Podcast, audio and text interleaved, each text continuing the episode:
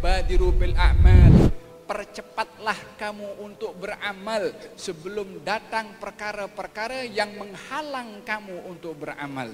Apakah perkara-perkara yang menghalang untuk kita beramal? Salah satunya adalah bila mana matahari terbit daripada barat, bila mana muncul dajjal dan juga bila mana hari kiamat terjadi dan bila mana kematian datang kepada seseorang maka orang itu akan mengatakan Rabbana absarna wa sami'na farji'na na'mal salihan inna muqinun walau syi'na la'ataina kulla nafsin hudaha walakin haqqal qawlu minni la'amla'anna jahannama minal jinnati wan nasi ajma'in fadhuqu bima nasitum liqa'a yaumikum hadha inna nasinakum fadhuqu adabal khuldi bima kuntum ta'malun ini adalah kata-kata orang yang sudah meninggal dunia, sudah wafat, melihat hakikat kehidupan yang sebenar nanti, dia mengatakan Rabbana absorna. Ya Allah kami dah tengok, kami dah melihat. Heh, kamu ketika di dunia buta ke? Kamu di dunia itu tak punya mata ke? Kenapa ketika di akhirat mengatakan Rabbana absorna? Ya Allah kami dah tengok. Wasami'na, kami dah dengar. Eh, ketika di dunia dia tuli ke? Tak boleh dengar, dia punya telinga ke? Kenapa di akhirat nanti dia mengatakan kami melihat dan kami mendengar. Di dunia punya mata sangat sehat. Di dunia punya telinga boleh dengar. Tapi tak digunakan mata ini untuk membaca Quran. Digunakan mata ini untuk pandang rendah kepada orang lain. Digunakan mata ini untuk menghina kepada orang lain. Digunakan mata ini untuk menengok aurat orang lain. Aib orang lain. Perkara-perkara yang dilarang oleh Allah subhanahu wa ta'ala. Tidakkah Allah berfirman dalam Al-Quran. Qul lil mu'minina yaghuddu min absarihim wa yahfadhu furujahum. Katakan wahai Rasulullah Muhammad kepada orang beriman, jaga mata mereka ini. Allah bagi mata suruh, disuruh jaga oleh Allah Subhanahu wa taala, bukan dipergunakan ikut kita punya suka. Ini mata kalau boleh bercakap, ini mata kalau boleh pejam sendiri, ini mata kalau boleh bergerak sendiri, dia akan pejam sendiri mungkin kita terhantuk kepada perkara memudaratkan kepada kita karena kita menggunakannya kepada perkara yang diharamkan oleh Allah Subhanahu wa taala. Akan tetapi Allah menyerahkan kepada kita sebagai amanah. Ini mata untuk tidak digunakan kecuali kepada tempat yang Allah ridha. Qul lil mu'minin katakan wahai Rasulullah Muhammad kepada orang beriman, yaghuddu min absarihim, jaga mata mereka, wa yahfadhu furujahum dan jaga kemaluan mereka sentiasa Allah bila mana suruh jaga mata diikat dengan kemaluan, diiringi dengan kemaluan. Dan juga ketika Allah berfirman kepada kaum mukminat, wa qul mu'minat, katakan wahai Rasulullah Muhammad kepada orang-orang mukminat, yaghudduna min absarihinna, supaya mereka juga jaga mata mereka, wa yahfazna furujahunna dan juga menjaga kemaluan mereka. Sebab apa yang dilakukan oleh kemaluan daripada perzinaan atau hal-hal yang diharamkan oleh Allah puncanya adalah daripada mata. Ini adalah merupakan punca kepada segala-galanya dan juga adalah telinga yang merupakan dua pintu utama kata Imam Abdullah bin Ali al-Haddad menuju kepada rumah yang dipandang oleh Allah menuju kepada rumah yang dinilai oleh Allah ini rumah Allah, kita punya hati juga. Rumah Allah yang zahir, masjid. Rumah Allah yang his, maknawi adalah kita punya hati ini rumah Allah subhanahu wa ta'ala. Yang dipandang oleh Allah. Inna Allah la yang ila suarikum. Allah tak tengok kamu punya paras, apa pakaian kamu, apa jenama pakaian kamu, apa kasut yang kamu pakai, apa sirwal jenama yang kamu pakai, itu tak dipandang oleh Allah Subhanahu wa taala. Kereta apa yang kamu naiki tak dipandang oleh Allah Subhanahu wa taala.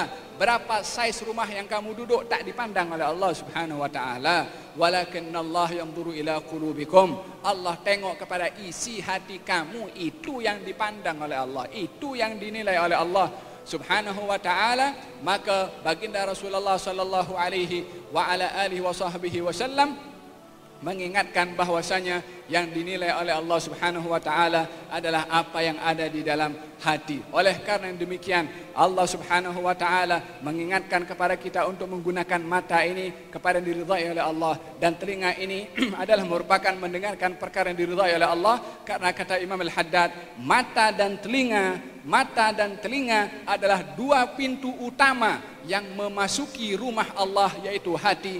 Bila mana mata digunakan perkara yang haram akan ternodai ini hati. Bila mana telinga meninggalkan perkara yang haram akan ternodai juga ini. Hati semakin banyak melakukan perkara yang haram melalui mata dan telinga hati akan menjadi penuh dengan dosa sehingga hati itu akan menjadi keras dan bila mana keras susah untuk mendengarkan kebaikan susah untuk mendengarkan nasihat susah untuk ditegur susah nak menitiskan air mata karena takut kepada Allah Subhanahu wa taala. ثم قست قلوبكم من بعد ذلك فهي كالحجارة أو أشد قسوة وإن من الحجارة لما يتفجر منه الأنهار وإن منها لما يشقق فيخرج منه الماء وإن منها لما يهبط من خشية الله.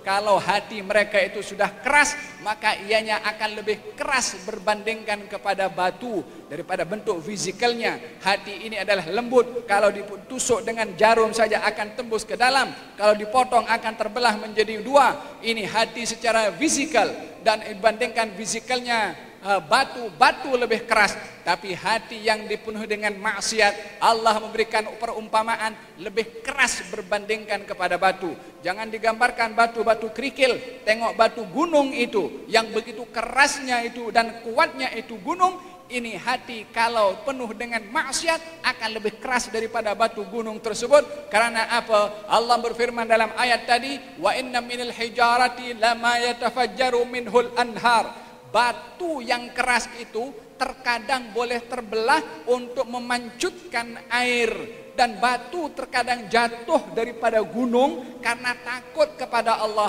Batu sekeras itu pun juga masih punya rasa takut kepada Allah sehingga jatuh. Tapi hati manusia kalau dipenuhi dengan maksiat kepada Allah, ianya lebih keras daripada batu tersebut. Wal billah. Demikian perumpamaan yang disebutkan oleh Allah Subhanahu wa taala dalam Al-Qur'an pintu utama kepada kerasnya ini hati, mata dan juga apa pendengaran. Demikian Imam Al-Haddad memberikan gambaran gunakan mata ini kepada perkara yang baik, gunakan telinga ini untuk mendengarkan perkara yang baik. Jangan dikorbankan rumah yang amat berharga kepada Allah yaitu hati dengan dipenuhi perkara-perkara yang tidak baik yang masuk melalui mata dan juga melalui telinga. Demikian baginda Rasulullah sallallahu alaihi wa ala alihi wasallam bersabda kepada para sahabat jangan ada orang daripada kamu yang menyampaikan kepada aku tentang keburukan daripada teman-teman dan sahabat-sahabat aku agar supaya aku keluar rumah tak punya rasa tak senang kepada orang lain. Yakni tak kenal buruk orang lain tak tahu aib orang lain. Supaya apa? Tengok semua orang okey je seronok je happy je.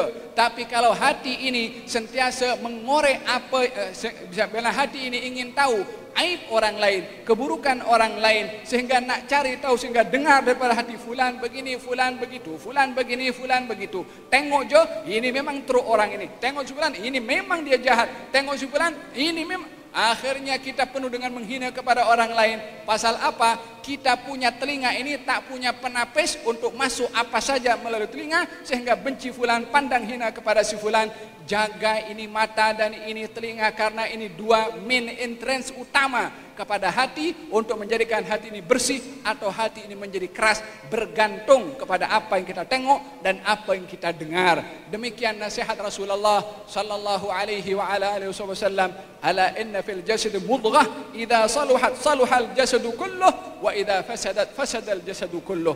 Di dalam hati ini ada seketul daging. Kalau baik semua amal dan anggota tubuh badannya akan baik. Kalau rosak semuanya akan rosak yaitu adalah hati kata baginda Rasulullah